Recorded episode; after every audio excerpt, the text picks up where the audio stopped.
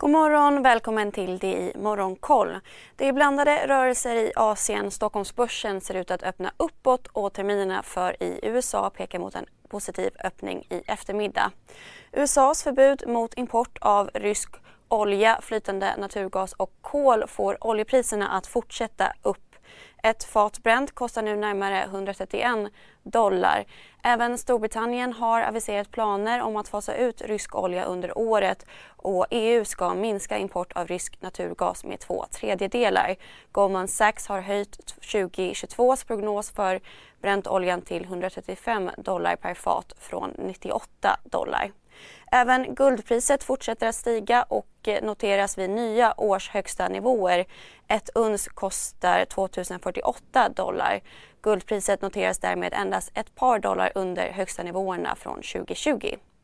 Moskvabörsen håller fortsatt stängt idag medan handeln på valutamarknaden ska öppnas. Det meddelade ryska centralbanken igår kväll.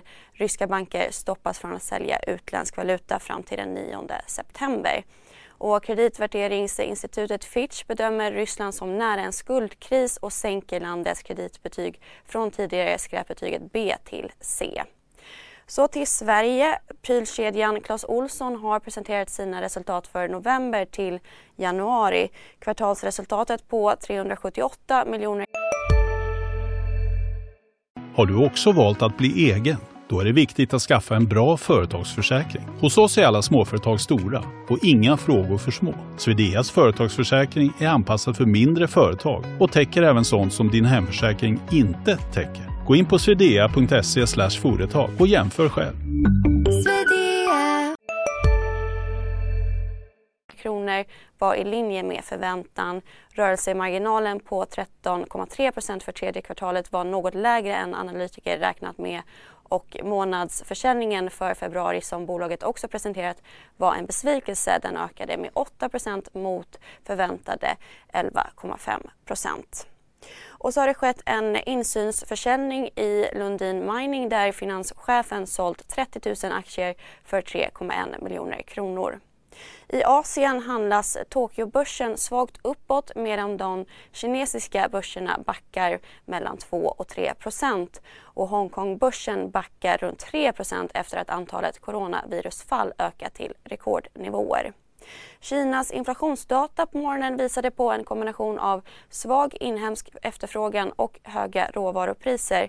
Producentprisindex steg 8,8% i februari, i princip i linje med förväntan och konsumentprisindex steg som väntat 0,9% i februari. På Wall Street igår var det slag i handel där indexen till slut stängde på rött.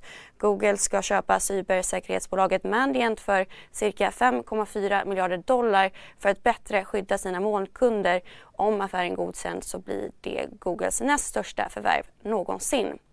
Och så har både McDonalds och Starbucks sällat sig till bolagen som nu pausar sin verksamhet i Ryssland. Det var allt för nu. Missa inte Börsmorgon med start kvart i nio. Trevlig dag. CSRD. Ännu en förkortning som väcker känslor hos företagare. Men lugn, våra rådgivare här på PWC har koll på det som din verksamhet berörs av. Från hållbarhetslösningar och nya regelverk till affärsutveckling och ansvarsfulla AI-strategier. Välkommen till PWC. Hej, Synoptik här. Så här års är det extra viktigt att du skyddar dina ögon mot solens skadliga strålar. Därför får du just nu 50% på ett par solglasögon i din styrka när du köper glasögon hos oss på Synoptik. Boka tid och läs mer på synoptik.se. Välkommen!